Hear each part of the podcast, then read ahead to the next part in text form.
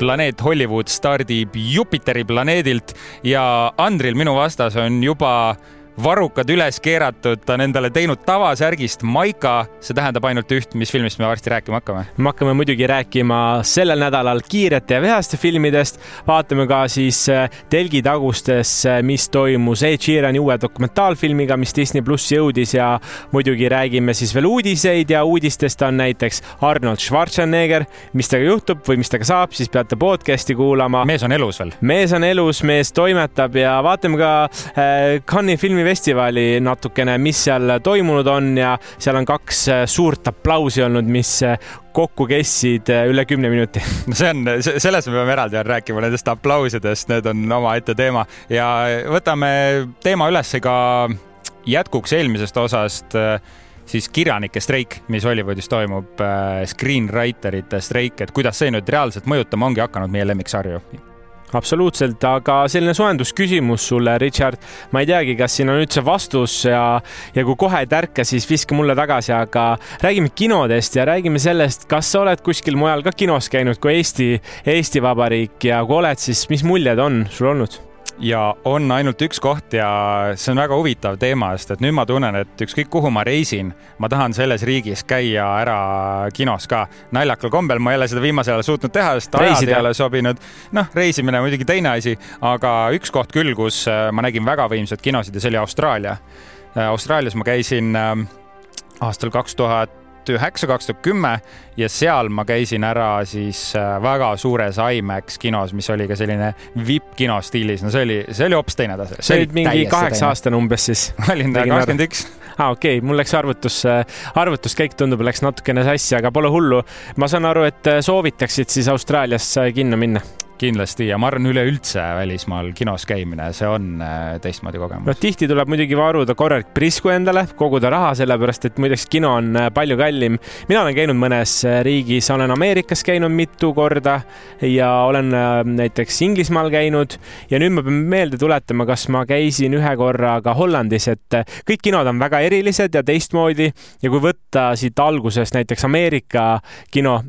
olin vahetus õpilane siis ja ikka tahtsid vahepeal vahepeal kinorõõme nautida. selles linnas, Charleston linnas oli ka siis päris suur kino. ma ütleks, et see hästi iseloomustab siis meie Coca-Cola Plaza mhm. suurust mm, -hmm. aga, aga kuidas seal kinos need asjad käisid täiesti teistmoodi. esiteks eh, ostsid kinopileti, ei olnud sul kohta, ei rida ega numbrid, vaid kes SMS, nii et kui jõudsid pool tundi varem, siis said endale koha valida. Eestis on meil ka üks saal minu meelest, kus on selline ESM, kes ESM-ees eh, järjekorda, aga. chill saal. chill saal jah, aga, aga väga palju sellist asja meil ei ole. lisaks oli see, et kui sa ostsid popkorni või jooki, no täida nii palju, kui äh, süda lustib, osta siis endale äh, see tops ja, ja täida, söö, ole, naudi. väga paljud käisid muideks filmi ajal endal siis äh, jooki täiendamas, näiteks tahtsid mingit karastusjooki, jõid ära, panid uue täis. noh, võib-olla see seletab nii mõndagi, aga, aga lihtsalt see kinoelamus on täiesti teistmoodi ja, ja võib-olla, mis mulle Inglismaa kinost meelde hästi jäi, oli see, et kui meil ikkagi enamus inimesi on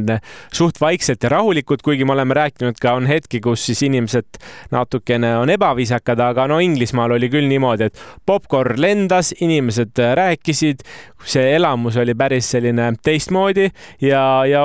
tundus, et ei ole kinos, vaid oleks kuskil loomaaias. aga siis teised nagu külastajad olid ka okei okay sellega, et see või ei olnud nii, et umbes, et inimesed õiendasid teineteisega, et ole vait nüüd, ma tahan vaadata, et see oligi normaalne, et kõik mm -hmm. räägivad. ja seal oli normaalne, ma ütlen ka see, et popkorn lendas äh, otseses mõttes, äh, visati loobiti üksteisega, räägiti juttu, noh, võib-olla, võib-olla ma sattusin valel ajal valesse kohta, ma olen seal ühe korra käinud ja noh, see oli ka ikkagi pea viisteist aastat tagasi, nii et, äh, et kogemus oli selline huvitav, ütleks. Eestis võib-olla järgi korrata ei tahaks, aga, aga just see, et kui keegi välismaal käib, käige ka kinodes, need on natukene teistsugused ja mul tuli meelde see Hollandiga lugu, et piletid olid olemas, aga, aga kuna see hakkas nii hilja, see seanss ja me mõtlesime, et me siis,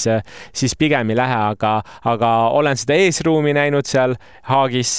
ja, ja oli väga-väga suurejooneline ja muideks, mida ma ei teadnud, ma vaatasin siin vahepeal ka sotsiaalmeedias Tiktokis, keegi jagas siis Aasia, Aasia turult oli Tais, läks kinno, seal oli vipp-pilet näiteks ja vipp-pilet oli see, et massaažitool oli, siis äh, maksid mingi viiskümmend dollarit umbes ja said ka, no jooki oli ja, ja jooki ja toitu. viiskümmend dollarit. ja viiskümmend dollarit, aga see oligi vipp vipp, see oli selline vipp-pilet, kus sulle toodi päris eine sinna ja, ja kogu selline luksus, hea, et keegi jalgu masseerima ei tulnud, aga sinna tahaks ka minna sellisesse, saada mingi luks megakogemus, sest Eestis kinod on, küll on mugavustoolid, on sellised, tase on päris heaks läinud, aga meil ei ole ka sellist võib-olla VIP kogemust, mida tahaks saada ja no ma tean, Sweet on see ilmselt kõige sellisem eh, luksuslikum saal, mis meil siin Tallinnas leiab, aga välismaal kinos käes on ka see teema, et tihtipeale riigid dubleerivad vaata filme, eh, on pealelugemine ja see on asi, noh meiesugused ei saa siis vaatama minna. Hollandis ma eeldan, siis ei olnud seda, noh, sa küll ei läinud filmi vaatama aga.... ja, ma uurisin selle järgi, et õnneks oli ikkagi see, et, et tuleb vaadata ka neid seansse, seal on teinekord öeldud, et inglise keeles, no Ameerikas ja UK-s oli väga lihtne eh, keel on inglise keel ja seal ei pidanud, aga tõesti, isegi Lätis ja Leedus enamus sarjad on peale loetud ja filmid ka, nii et kui neil seda pealelugemist ei ole, siis on kohe väike jama või siis võtad sõbra kaasa kinno, kes tõlgib sulle kogu filmi samal ajal kõrval olles. Noh, see on ka alati võimalus, aga kuidas tunne on, lähme siit uudiste juurde edasi ja vaatame, mis meil Hollywoodis toimub. võtame uudised ette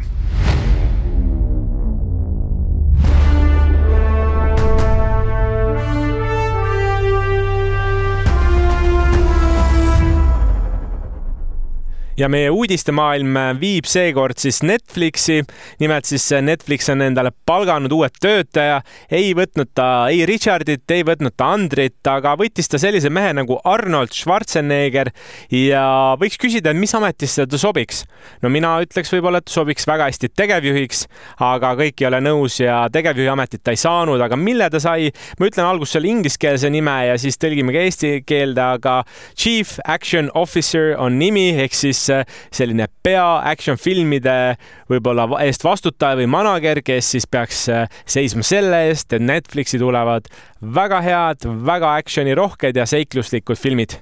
Kusjuures huvitav, mina sain aru sellest, kui öeldakse chief action officer, et see on action stseenide eest justkui vastutav või see on reaalselt nagu action filmide eest vastutav, sest et äh, noh mida Arnold Schwarzenegger, okei okay,, ta on ise minu teada lavastanud ka midagi, aga kindlasti tema see põhikvaliteet on see, et ta just oskab äkki kvaliteedi kontrolli teha nende action stseenide üle, aga ma ei tea, ma praegu lihtsalt mõtlen. see amet on ka minu jaoks päris suur üllatus, selle kohta liiga palju avarustes infot äh, iseenesest ei ole ja, ja sul on õige, õige mõte, ega see ei tähenda, et ta hakkab, äh, hakkab kuskil kõikidel võtetel kohal käima, pigem, pigem ta hakkab sellise üldtunnetusest vaatama. tõenäoliselt mingitesse draamadesse ta seda action'it suruma ei hakka, aga kui mingid action filmid on tulekul täpselt äh, seda, siis eks ta vaatab üle, aga ka kindlasti see, et ta seda kvaliteeti tõstaks ja tal on ju nii palju tutvusi, lisaks sellele, et ta on näitleja olnud, ta on poliitik äh, ka pikalt olnud ja, ja ta, tal on need tutvused olemas, et äh, seal sebida, möllata, olla ja minu meelest on päris lahe vaadata, kuidas, kuidas see tema roll hakkab seal lahti, lahti rulluma. Ja see, mm, no võik, võiks öelda küll nende Netflixi originaalfilmide kohta. siin on palju neid olnud, ma ei tea, üks, mis mul tuleb viimasel ajal meelde, vaata Jamie Foxxil oli minu teada film, kas oligi nime Power või mm? -hmm. mis oli justkui väga laheda ideega, visuaalselt selline kaasaarv, aga noh, üsna kehv film tegelikult ja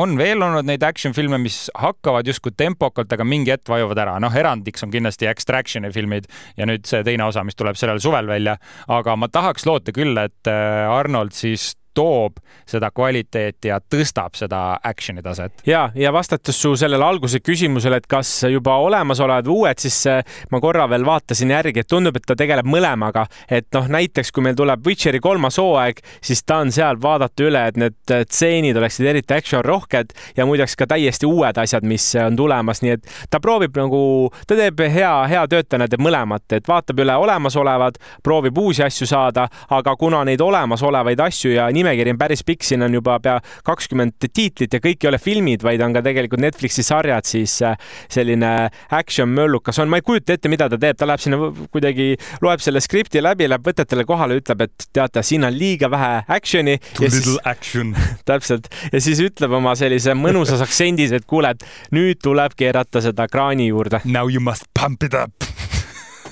no väga hea tundub. ma ei teadnudki, et Arnold meil praegu uksest sisse astus. see Arnoldi aga... asi oli nii hea, et mul kukkus telefon maha, head katki läinud. ma isegi kuulsin seda raksu, vaata nüüd, kas ekraan on terve. no tundub, et tundub, et on täitsa, täitsa okei okay., nii et saab edasi teha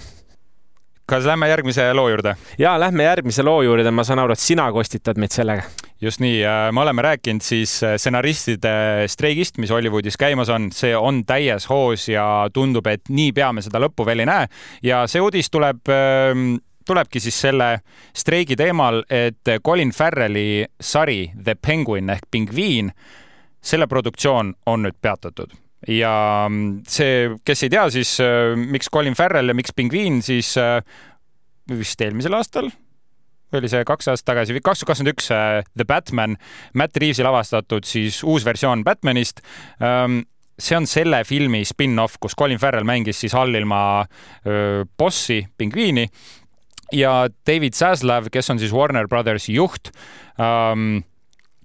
võttis selle otsuse vastu, eks ole, et see sari ei liigu edasi ja mees on saanud äh, väga palju negatiivset tagasisidet ka, siis äh, ta käis ühes Bostoni ülikoolis kõnet pidamas ja noh, ütleme sellist aukraadi ka vastu võtmas ja saad sa aru, õpilased, kõik, kes seal publikus olid, puutasid ja karjusid talle, et äh, maksa oma kirjanikele, sa oled mingi kõnts umbes. Nad läksid päris nagu vulgaarseks seal ja ta lihtsalt üritas seal nagu seda tõsist nägu hoida. aga ja see uudis tuleb siis selle streigi varju ilus, aga meil on siin kindlasti veel sarju, mida on mõjutatud. ja, ja kui sina kuulad meid esimest korda ja ei tea, mis see kirjutajate streik ongi, siis äh, ega probleem on äh, lihtne. kirjutajad, kes on siin äh, higipalvel vaeva näinud, ei saa piisavalt raha ja on otsustanud streikida nii kaua, kuni siis neil palka tõstetakse. peamine teema oli ka streaming platvormid, kes siis tegelikult näitavad neid teoseid aastakümneid võib-olla ja selle eest lisaraha ei teenita, nii et seda kokkulepet on oodata ja, ja ma saan aru, et sul on ka nimekiri ees mõnest sarjast, mis on veel juba kas siis pausile pandud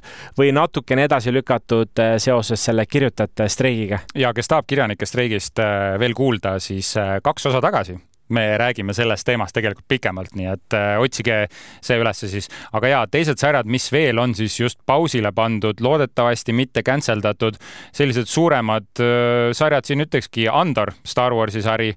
meil on siin ähm.... Family Guy muideks, mis on üks minu, minu lemmikuid, ma tean, et ta see... ei ole, ta ei ole lõpetatud, aga, aga selgelt on öeldud, et praegu tootmine on pausile pandud, niikaua kuni see kirjutajate streik äh, ei lahene, siis äh, nii Family Guy kui American Dad mõlemad äh, on muideks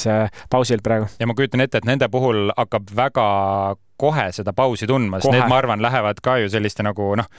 nagu struktuuri osas nagu seebikate alla, selles mõttes vaata seebikaid me rääkisimegi üle-eelmine kord, et neid kirjutatakse hästi viimasel hetkel ja ma kujutan ette, et Family Guy ja American Dad on ka sellised asjad, mis üsna lühikese ajaga ette kirjutatakse. aga seal on veel neid sarju? ja uh, House of the Dragon, mis uh, meil nüüd siin uh, aasta alguses välja tuli, Rings of Power, mis on siis Lord of the Ringsi sari, Stranger Things ma tean, see on ilmselt äh, kõige valusam hoop ka sulle, Andri. ja no eks need äh, hoobid on kõik valusad, mida sa ütlesid, ma tahaks sulle öelda, ära seda nimekirja edasi loe. ma ei tea, kas ma saan hakkama, sellepärast et äh, päris suured nimed, kui võis alguses arvata, et okei okay,, et keda see ikka mõjutab, siis, siis päris paljusid. ja see, need on kõige suuremad just sarjad, mis siin nimekirjas olid ka, nii et ähm, elame, näeme, loodame väga, et stuudiod tulevad vastu nendele kirjanikele, sest tõepoolest äh, me ju tahame seda kvaliteetset sisu veel näha ja väga oluline, et äh, autorid ikka saaksid oma teenitud tasu aga head sisu leiab ka Cannes'i filmifestivalil. see algas siis kuusteist mai ja lõpeb kakskümmend seitse mai kui sina kuuled sellest esimest korda, siis see on selline, ma ütleksin, Euroopas kindlasti kõige suurem äh, filmifestival, aga ta on ka väga prestiižne, sellepärast et äh, kui me teame, et Oscarid on kevadel, siis see on selline Oscari-eelne pidu, kus näidatakse palju filme, mis võib-olla tuleb alles suvel või aasta teisel poolel ja need filmid on juba jõudnud ka publiku ette, aga võib-olla nendest filmidest ma ei tahagi nii niivõrd palju rääkida kui paarist sellisest äh, ovatsioonist, mis seal aset leidis ja üks ovatsioon tabas nüüd sellist meest nagu Johnny Depp, keda me teame, kes on äh, nüüd olnud äh, pea aasta juba filmilinadelt maas, mehel olid siin perekondlikud raskused, korralik kohtutee ja nüüd on siis äh, juba varsti välja tulemas film, seal Cannes'i filmifestivalil näidati seda varem, meie veel seda näinud ei ole, aga on üks prantsuskeelne film, mille nime ma tõenäoliselt väga hästi hääldada ei oska, aga proovin. Äh, Jean äh, Tubari on äh, äkki selle filmi prantsuskeelne nimi ja Johnny Depp siis kehastab seal Prantsusmaa kuningat Louis viieteistkümnendat ja, ja asi ongi selles, et äh, mehe filmi roll jäi niivõrd inimestele silma ja südamesse, et kui see film sai läbi, siis lausa seitse minutit püstiseisvat ovatsiooni ja plaksutamist ta sai ja, ja peab tunnistama, et mehel ka selline pisar silmanurka tuli. Et see nende püstiste ovatsioonide aja võtmine on üks mu lemmikasi, mis sealt Cannes'ist tuleb, sa küll nagu, kas seal on reaalselt ajakirjanikud, kui hakkab aplaus peale, siis võtavad telefoni välja, panevad omal stopperi käima ja reaalselt mõõdavad mingi viis kuni kümme minutit neid aplause. see tundub ikka päris jabur, aga no tundub, et järjest tuleb Cannes'ist selliseid uudiseid. no tuleb ja selline kuninga roll oli ka mehel esimene, mida ta siis pärast seda kohtuprotsessi tegi ja ka küsiti Cannes'i filmifestivali juhi käest, et no et ütle, kuidas sina suhtud sellesse, et tal Ameerika Ühendriikides võib-olla selline kahtlane maine on, siis äh, Theory ütles, et ma ei tea Johnny Deppi kuvandist Ameerikas mitte midagi. me oleme siin Euroopas, me teeme Euroopa asja ja, ja minu meelest on hea suhtumine Johnny Deppi tagasi tervitada, sellepärast et äh, tal tühistati ka mitmed ju suured äh, filmid ära. me teame, et Harry Potteri äh, saaga filmid olid tal käsil ja muidugi Kariibi mere piraadid ja neid tühistamisi oli palju ja nüüd tundub, et tal on uus võimalus antud siin Euroopa kinolinal ja, ja võib-olla, võib-olla varsti näeme teda jälle Hollywoodi filmides loodame nii, aga ta polnud ainus, kes sai äh, võimsa ovatsiooni osaliseks. oo oh jaa, teine mees oli sama ja kui ma ütlesin enne kümme minutit, siis nüüd tulebki seitse pluss viis, väga lihtne, kaksteist minutit äh, ovatsiooni, aga kes sai siis viieminutilise püstiseisva ovatsiooni, oli Harrison Ford ja muidugi Indiana Jonesi uue filmiga. noh, sellest äh, filmist, eelmistest filmidest on väga pikk aega mööda läinud. ta on öelnud ka, et see on tal viimane selline etteaste vähemalt Indiana Jonesi filmides ja see film muideks näidati seal ära Eesti kinodesse, ta minu meelest niipea ei jõua, peab selle kuupäeva üle vaatama, sa mäletad peast? juuli keskel minu no, teada. juuli keskel, aga seal need juba nägid selle ära pea kaks kuud äh, varem ja, ja tõesti, inimesed seisid püsti, plaksutasid, tunnustasid. minu meelest küll Harrison Ford on elutöö sellega ära teinud. ja minu teada ta sai ka mingi elutööpreemia seal ja, ja oli jah äh,, olnud väga liigutatud kogu sellest reaktsioonist, mis seal tuli. mul on, mul on väga hea meel aga jätkame, ütleme nii, et nagu sinu uudise lisand, siis lähmegi edasi Indiana Jonesi ja sellesama saatuse Seieri filmiga. Ähm, see film ühtlasi, sa ütlesid, et sai viis minutit püstist ovatsiooni aga Indiana Jonesi uus film sai frantsiisi halvima Rotten Tomatoes'e reitingu. ja ma võib-olla natuke seletan ära, mis teeb selle Rotten Tomatoes saidi siis nagu erinevaks teistest ja IMDB-st, sest mulle väga meeldib IMDB reitinguid vaadata, sest IMDB see süsteem reaalselt toimib nii, et ta ütleb meile selle keskmise skoori, mida inimesed äh, sellele filmile panevad. Rotten Tomatoes toimib näiteks niimoodi, et kui näiteks kümme inimest on filmi näinud, nad annavad äh, filmile reitingu jah või ei, ehk siis kas meeldis või ei meeldinud ja kui seda teevad viis annavad jah, viis annavad ei, siis filmi keskmiseks skooriks tulebki viiskümmend protsenti. Mhm. ehk ta ei arvesta seda, et ma andsin sellele filmile kuuskümmend seitse protsenti ja teine inimene andis kuuskümmend kolm protsenti, vaid ta reaalselt arvutab nende keskmise, kellele meeldis ja kellele ei meeldinud. ja läbi selle tuleb Rotten Tomatoes'e skoor, ehk siis väga kõrged Rotten Tomatoes'e skoorid ja väga madalad Rotten Tomatoes'e skoorid äh, võivad olla väga sellised sagedased juhtumid ja need ongi nii. Nad võivad väga tugevalt erineda standardhärve me oleme siin sotsioloogiasse vaikselt üle, aga, aga jah, mida sina ise üldse jälgid, kui sa filmide reitinguid vaatad, et sul on Rotten Tomatoes kindlasti, mis, kus sa veel vaatad? no teine ongi IMDB, need IMDB. kaks suurimat on ja,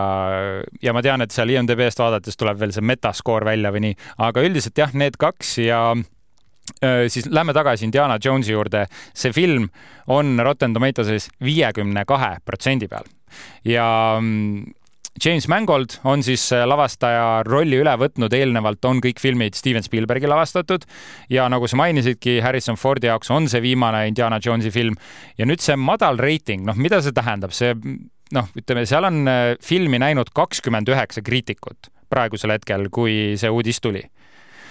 kahekümne üheksandal, vot kakskümmend üheksa juuni on, kui see film tuleb välja, kahekümne üheksandal juunil tuleb kindlasti palju uusi arvastusi erinevatelt kriitikutelt ja fännidelt ja tegelikult viiskümmend kaks protsenti tähendab, et üle poolte andsid sellele positiivse hinnangu. No kuule, Kiirete vihastel kümnendal osal on viiskümmend neli, nii et äh, ma ütleks sinna samma auku. Ja noh, ma ei saa öelda veel, mida ma sellest filmist arvan, aga, aga ma tahan öelda lihtsalt äh, selles nii-öelda hinde rahulduseks, et äh, teinekord see ei näita liiga palju. kakskümmend on arusaadav, viiskümmend on selline viiskümmend, viiskümmend ja see võib ka tähendada seda, et äh, film tegi midagi täiesti uut või täiesti teistsugust, mida need fännid või siis ütleme jah, need kriitikud ei osanud oodata, sest Indiana Jones, noh, ta on veidi kui Star Wars, vaata, kui sa liiga palju lähed sellelt äh, valemilt maha ja teed midagi täiesti uut, siis see ei pruugi inimestele peale minna. Ja vastupidi ka mitte aga ma lugesin ka Tristan Priimäe seda Cannes'i filmiblogi, mida saab ERR-i portaalist lugeda ja seal ta just ütles, et äh, see film väga lähedalt matkib äh, Raiders of the Lost Ark ehk siis esimest Indiana Jonesi filmi valemit. et justkui ta paneb ilusa kuue sellele, aga no ikka tegemist on üsna sellise sarnase asjaga nii et jah, mida see Rotten Tomatoes'e skoor tähendab, seda me saame kõik kahekümne üheksandal juunil ise ka teada. ja no näiteks veel näiteks siis Rotten Tomato on andnud viiskümmend üheksa protsenti siis Super Mario uuele filmile, mis muideks kassatulude mõttes on teinud selle aasta rekordi. Äh, jah, mitte siis eelmist aastat oma, aga sellel aastal üle miljardi, nii et ma ei tea, ma ütleks, et äh, see ei näita alati kõike, et, et äh, ootame ja vaatame, mis siis rahvas arvab. Ja uudistega olemegi jõudnud siin ühele poole ja nüüd saame minna selle kõige magusama osa juurde ja selleks on nädala nael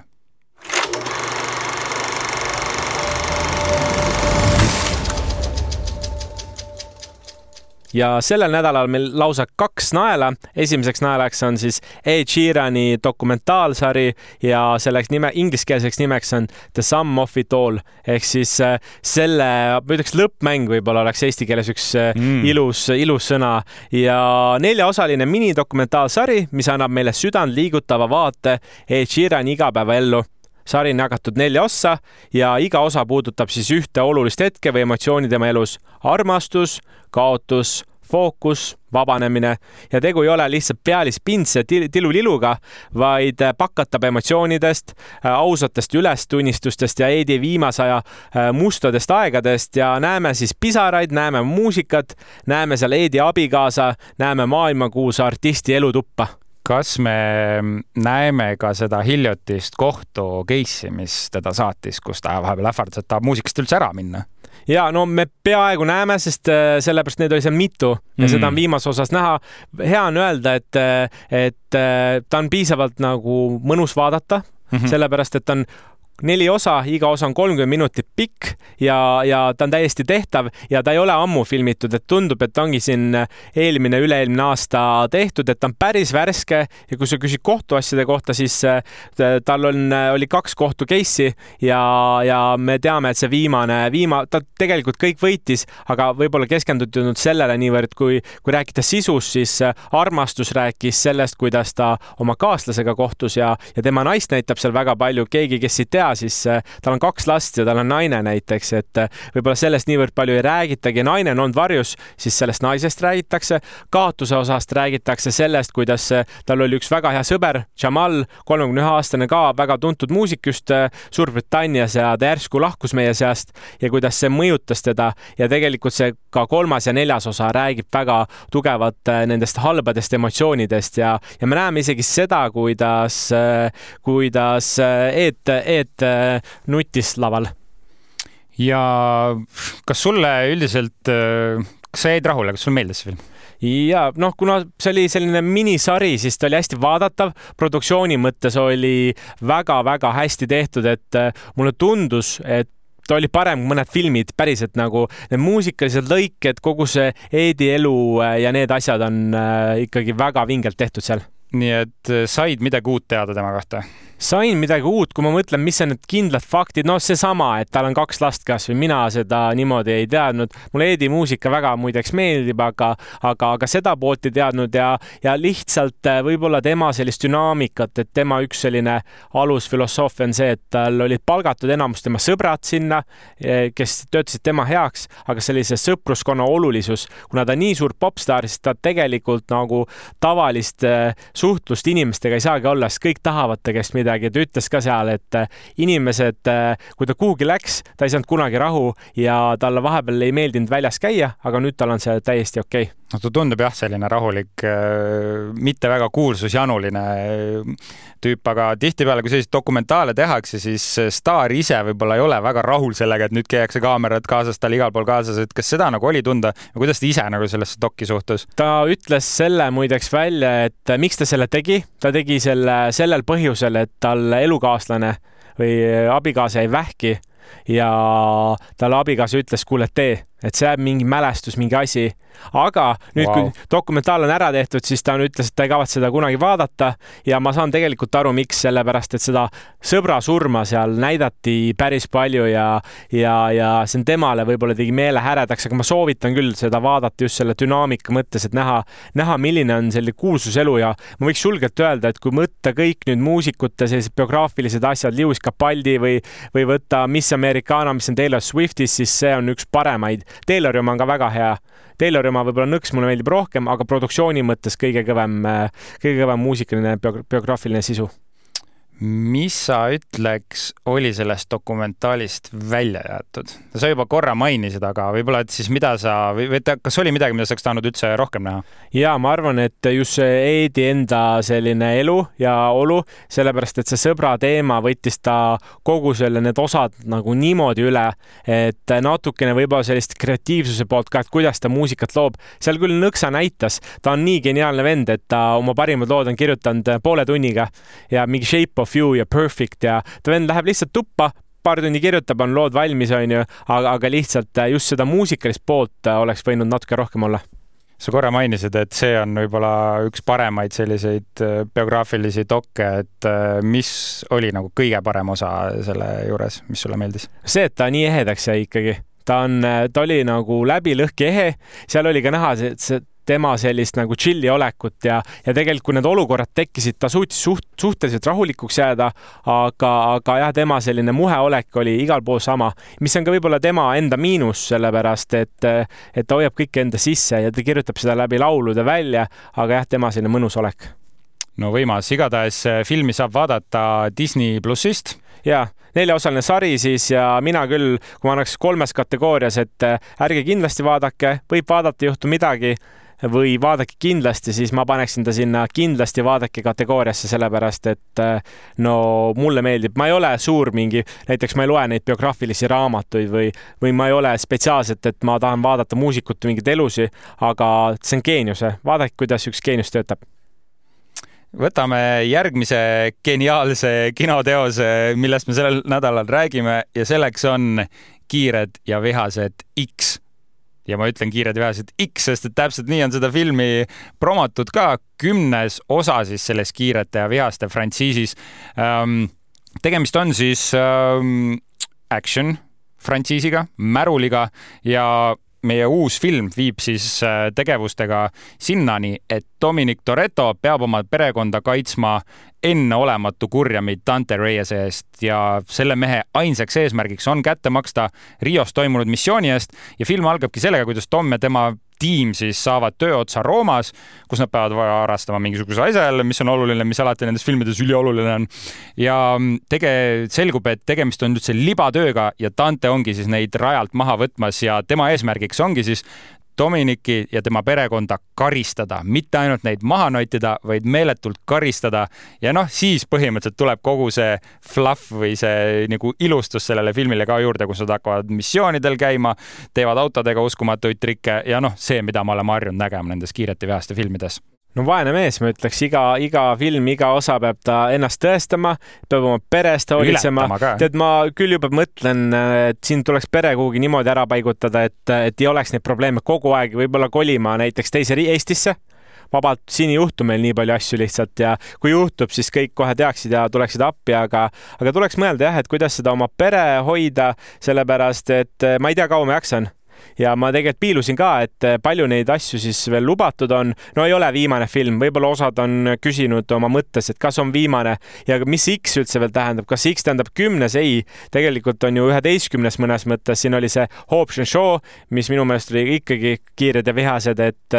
et päris palju on tehtud, ma tean, et mõned aastad me näeme seda veel ja mõlemad me käisime seda vaatamas muideks, nii koos. et koos vaatasime, analüüsisime ja, ja kes need näitlejad näiteks seal äh, ekraanil veel olid? ja enne kui oma siis äh, ametliku planeet Hollywoodi arvustuse juurde lähme. lavastajatoolis äh, oli seekord Louis Leterrier, kes on siis Prantsuse päritolu režissöör, kes võttis üle selle töö Justin Linnilt, kes varasemalt on olnud nende filmide režissöör. James Wan võttis ka seal kuuendas osas minu teada üle, kuid Vin Diesel ja Justin Lin, äh, no ütleme nii, hakkasid sarvi kokku äh, lööma ja seal Vin Diesel jäi ikkagi peale, vahetati mees välja. Louis Leterrier on teinud näiteks selliseid filme nagu Now you see me, Incredible Hulk, nii et sellised suured kasahitid, äh, efektifilmid ei ole kindlasti võõrad talle. no minu meelest selle eelmise režissööriga oli probleem, mitte ei olnud probleeme, aga mitte ainult Vin Diesel ei olnud seal, vaid ka tegelikult stuudio, kuna Linn oli öelnud, et meil on see juba asi purgis, hakkame nüüd filmima, siis öeldi, öeldi, et kuule, aga meil on väiksed muudatused ja tal oli lihtsalt nagu, ta oli väsinud ja ta tahtis muud teha, arusaadav, loomingulised erinevused. ühel on üks visioon, teisel teine visioon. võib-olla tema ei tahtnud, et äh, asjad päris nii läheksid ja näitlejad, kes äh, siis selles filmis üles astusid, ma ei tea, on sul järgmised viiskümmend minutit aega, kui ma kõik need näitlejad ette no loe mõni, ma võtan mingi ma, paar minutit. ma päris kõiki jah ei loe, nagu mainisin, siis Vin Diesel peaosas, Jason Momoa, Michelle Rodriguez, Tyrese Ludacris, Charlize Theron, Helen Mirren, Nathalie, Nathalie Emmanuel, John Cena, Sung Kang, Brie Larson, Alan Ritchson ja peab ütlema paljud teised. ja, ja minu jaoks võib-olla kaks, kes jäid silma, olidki see Jason Momoa ja Brie Larson. ühte me teame siis kui Aquamanina, kes on siis äh, Jason Momoa ja Brie Larson, mul läheb kogu aeg sassi, ta on Captain Marvel, onju tema on just Captain Marvel, nüüd on meil olemas Miss Marvel ka. ja, ja mul läheb selle Miss Marveliga kogu aeg segi, aga, aga on need superkangelased toodud siia autode kihutamismaailma ja jätavad küll sellise südant soojendava mulje ja ma arvan, et sa ütlesid väga õigesti, Jason Momoa on selle filmi suurim staar ja seda Lähme, lähme nüüd üle ka reaalselt selleni, mis me sellest filmist arvasime ja kas me seda soovitame, et äh, ma arvan, et Jason Momoast on hea alustada. no mees on täielikult äh, nautimas kõike seda, mis ta teeb ta.... jõhkard on tegelikult. jõhkard on küll, aga vaata, kui nagu üle võlli ja noh ma, ma ei hakka nagu loo osas midagi ette ütlema, aga noh, on stseen, kus ta põhimõtteliselt värvib küüsi, mis on lihtsalt nii jabur ja nii lõbus, aga selline mees nagu Jason Momoa suudab seda väga usutavalt ja naljakalt teha. Ja näitlejatöö, kui laialt nüüd võtta, siis ma arvan, näitlejatöö oli päris viisakas kõikidel, mis võib-olla mind filmi puhul ennast häiris, et kuna seal äh, seekord oli filmitud hästi palju erinevatel kontinentidel ka mm, -hmm. üks oli Brasiilia, minu arust seal olid mingid Aafrikat Euroopa., Euroopas oli tehtud kõvasti, et äh, minu meelest riikidevahelised sellised stseenid, äh, nad ei olnud ühtlased. kui rääkida nüüd Brasiilias toimuvatest rallidest ja mölludest, siis see, see kogu montaaž ja see kiirendus ja kogu see olek oli hästi nagu, hästi värviline, nii nagu Rio võiks olla, onju, aga teised riigid ei olnud, et minu meelest selle filmi minu, minupoolne kriitika oleks see, et ta ei olnud kuidagi ühtlane, et ta lainetas seal hästi palju. näitlejate koha pealt ma ütlekski, näitlejad tegid oma töö ära täpselt nii, nagu nad selles frantsiisis saaksid teha, aga, aga ma võib-olla tooksin selle välja ja väga huvitav, mulle just tundus, et see action oli seekord palju paremini tehtud, kui oli eelnevas filmis ja kusjuures ma sel-, sellist nagu ebaühtlust äh, isegi ei pannud tähele. aga ma ei tea, kas sa mäletad, ma filmi ajal äh, vist kaks korda rääkisime sinuga, ma olin, ütlesin sulle vist seda, et täitsa lõpp, see on juba parem kui eelmine osa, sa olid mingi ei, ma pole üldse nõus, vaatan, sa mingi krimpsutasid nina seal. Ja kuskil tund aega hiljem ma vist küsisin sult, noh kui väga sa siis vihkad seda filmi ja siis mulle tundus, et sa hakkasid leebuma ja sa ütlesid, et nüüd juba noh, et ei ole üldse Tead, nii hull. ja te tegelikult see film nagu keris paremaks ja, ja laias plaanis ei olnud filmil viga, ta on lihtsalt nii juustu nagu olla saab, et kui, kui sa mõtled, et restorani tellid juustupastat, siis ütled, kelner, palun tooge mulle juustu, riivige veel mul natuke peale. siis kelner küsib, kas panen teile vee sisse ka, pange ja mulle vee sisse ka ja no põhimõtteliselt oli juustukera ja, ja seda juustusest oli nii palju, aga ma ütlen, et see ei teinekord ei häiri, sellepärast et kui sa tead, et see on seal, see kümnes osa juba, noh, sa natuke ju saad aru, et seal räägitakse autodest, perest, kihutamisest, siis see ei ole sul üllatus tõepoolest, see on väga juustune, siirupine, seebine, kuidas iganes tahad öelda, aga seda võibki pidada veidi selliseks seebiooperiks, mis äh, toimub sellises märulikeskkonnas. sest põhimõtteliselt kõik karakterid, noh nüüd, nüüd me teame, et kõik karakterid, kes on kunagi surma saanud ja midagi, noh, mitte miski ei takista neid nagu tagasi tulemast, et põhimõtteliselt see on, see on täielik seep. Kõike võib juhtuda, autodega saab teha asju, mis ei ole ammugi enam võimalik. Ja mm, ma arvan, et äh, mis mulle eriti võimsa mulje jättis ja mis tegi selle paremaks kui äh, siis F9 eelmine osa, Fast Nine ähm,, oli see muusika ja kuidas neid efekte ära kasutati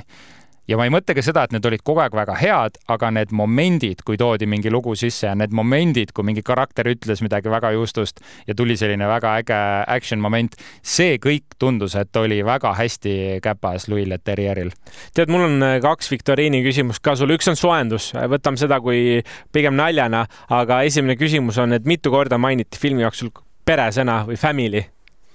no ma pakun, et äh, seitsekümmend. no peaaegu viiskümmend kuus korda, see oli selline soojendusküsimus sulle, aga lähme nüüd tõsisema küsimuse juurde ka. üks äh, oluline teema, mida kulisside taga räägiti, oli see, et filmi eelarve läks lõhki täiesti. kui oli planeeritud umbes kakssada viiskümmend miljonit, siis äh, läks kolmsada viiskümmend miljonit, sellepärast et seal olid vaja mingeid asju kas siis uuesti teha või kogu asi läks kallimaks maksude tõttu. ja minu küsimus on, kui me nüüd kerime ajas tagasi, aasta on kaks tuhat üks ja tulid kiirete veast aasta esimene film välja, siis äh, palju võis umbes maksta Kiirete veast esimene film? mitu miljonit dollarit siis mm? -hmm. kui pakun... ütleme, et praegune maksis siis, äh, produktsioon oli kolmsada kaheksakümmend, ütleme ma pakun, et see tollel ajal äh, maksis äh, kakskümmend miljonit dollarit. no peaaegu kolmkümmend kaheksa, kolmkümmend kaheksa miljonit maksis esimene osa, nüüd me oleme, korrutame kümnega, kümnes osa sobib Six sinna väga hästi vahele ja kolmsada kaheksakümmend miljonit, mis tähendab, tähendab seda, et see kogu frantsiis on kasvanud meeletult ja esiteks näitlejaid on ju nii palju juurde tulnud, iga näitleja tuleb äh, korralik, korralik summa maksta ja, ja need, ütleme, tseenide pealt ka kokku ei hoitud. küll seal hävitati linnu autosid ja nii edasi.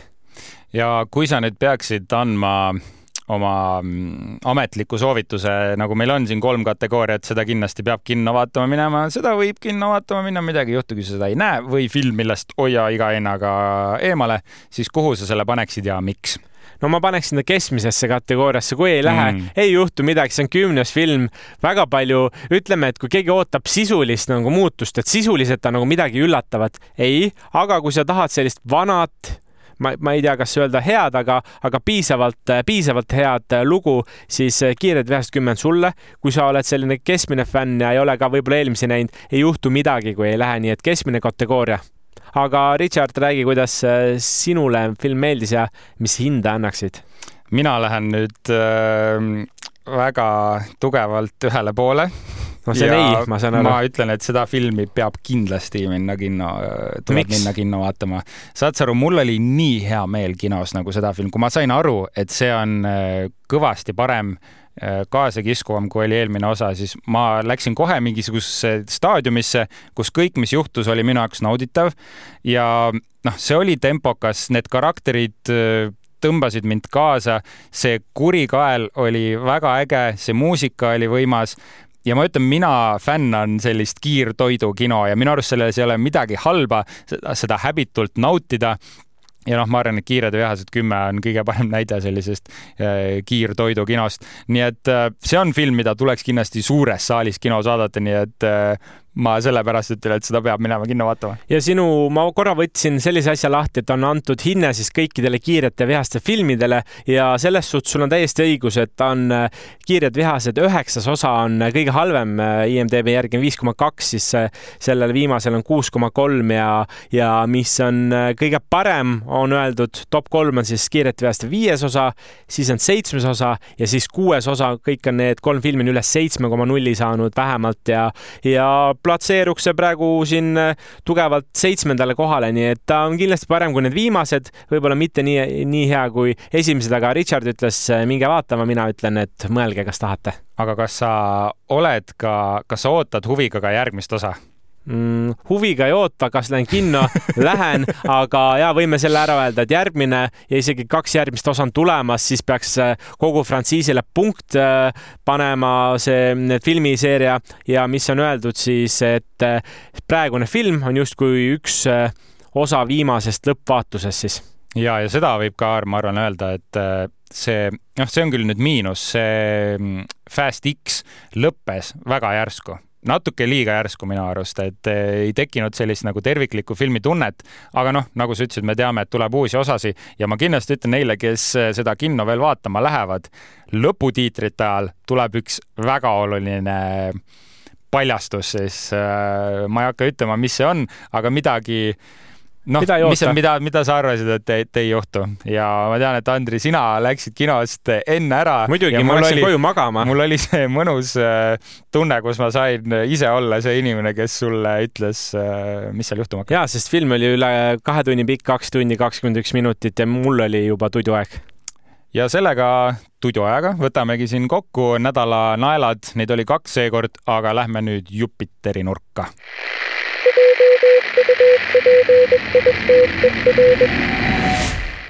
Jupiteri nurk on siis koht, kus ähm, soovitame teile mingit väga head sisu, mida leiab Jupiteri voogedastusplatvormilt ja Jupiterist te ei leia mitte ainult lavastuslikke filme või sarju, siit leiab kõike uut ERR-i sisu.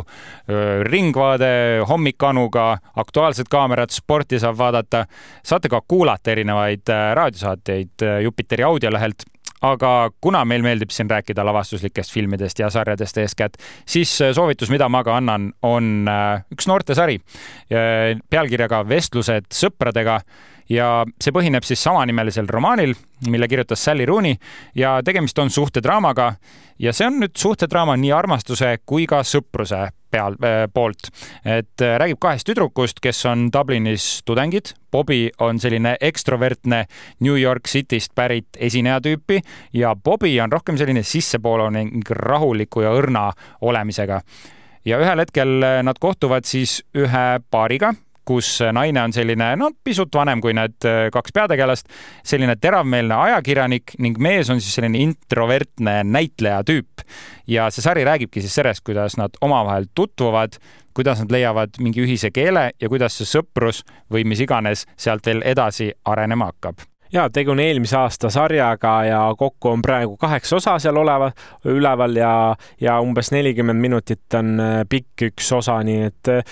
parajalt vaatamist on, ei väsita tänust ära, aga ka saad süveneda sarja ja nautida head kogemust. ja kes on vaadanud sellist sarja nagu Normaalsed inimesed, mis oli ka meil mõnda aega tagasi Jupiteris ja noortelehel IO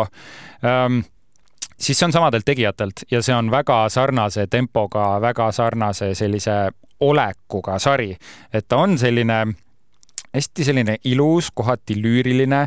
ja rahuliku kulgemisega, aga mm, ma ütlen, mina panin selle sarja peale oodates siit midagi, võib-olla isegi nagu olid mingid eelarvamused, ma kartsin, et see võib nagu veidi igav olla minu jaoks mm. -hmm. üldse mitte, see pani mind ka ennast nagu natuke rohkem mõistma ja mõnus sellisel, mõjus selliselt teraapiliselt isegi veidi.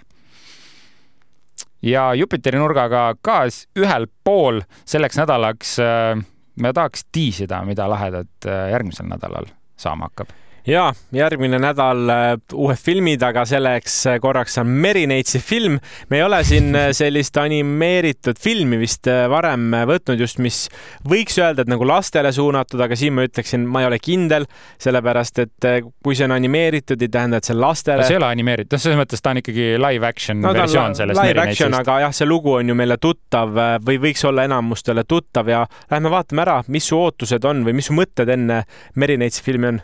no kindlasti need muusikalised numbrid. tegemist on ju muusikaliga,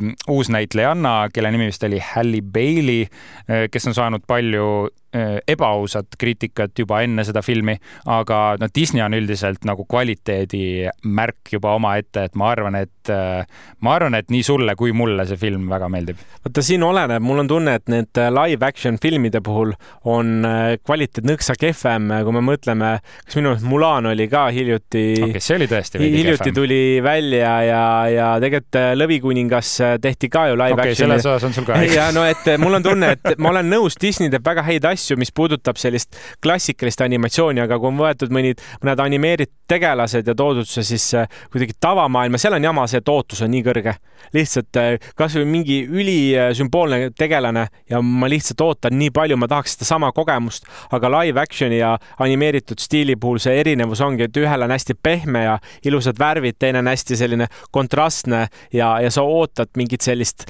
et ta oleks nii armas ja ta oleks nii hea, kuigi see lugu on ju sama, siis kahjuks see kuidagi ei tõlgendu läbi ekraani jah, ja seda kõike me saame juba järgmise, järgmisel nädalal, nädalal arutada. minu keel on juba korralikult sõlme läinud tänasest episoodist ähm, aga ja, meid äh, saab kuulata siis Jupiterist ja teistelt audioplatvormidelt äh, igal kolmapäeval tuleb meil uus osa ja ootame teid väga ka järgmisel nädalal meid kuulama. kuule, kui palju sa üldse vaatad äh, erinevaid, ma ei tea, me oleme kinost rääkinud, onju, aga võib-olla selline maha, mahaminemist sulle, kui palju sa üldse vaatad, ma ei tea, televiisorit või, või mingeid muid asju, kui palju sa, on sul teleks või? on ikka Äh, sa mõtled, sa, sa mõtled siis nagu kanalit reaalselt? ma ei tea, ma mõtlen lihtsalt see, et sa oled koju, kas sa paned endale mõne streaming teenuse tööle mm, või mm, -hmm. või sa paned äh, mõne telekanali või mis sa, mis sa üldse veel vaatad? kusjuures ma niimoodi kuulangi podcast'e, üldiselt kui ma midagi Päriselt? teen, siis mul on äh, klapid kõrvas, ma kuulan mingit podcast'i, ma teen süüa või koristan aga mulle väga meeldib ka lihtsalt taustale midagi mängima panna, et me oleme siin rääkinud äh, sarjast Friends. no ütleme nii, et selle ma võin igas olukorras peale panna, ma isegi panen selle siis mängima, kui ma teinekord magama jään, lihtsalt telefonist kuulan, kuidas äh, need sõbrad seal hängivad ja mõnus hea uni tuleb. no mul on Office'iga sama, panen kontori sinna taha taustaks, siis tahaks ju töö, töömõtteid ju kogu aeg kakskümmend neli seitse kuulda, et panen selle taustaks ja, ja ausalt öeldes mina olen ka traditsioonilise televisiooni suur fänn ja vaatan erinevaid äh, siis saateid pidevalt aga selleks korraks kõik, mina tänan, et olite meiega ja Richard ja Andri ootavad teid juba järgmisel nädalal. tšau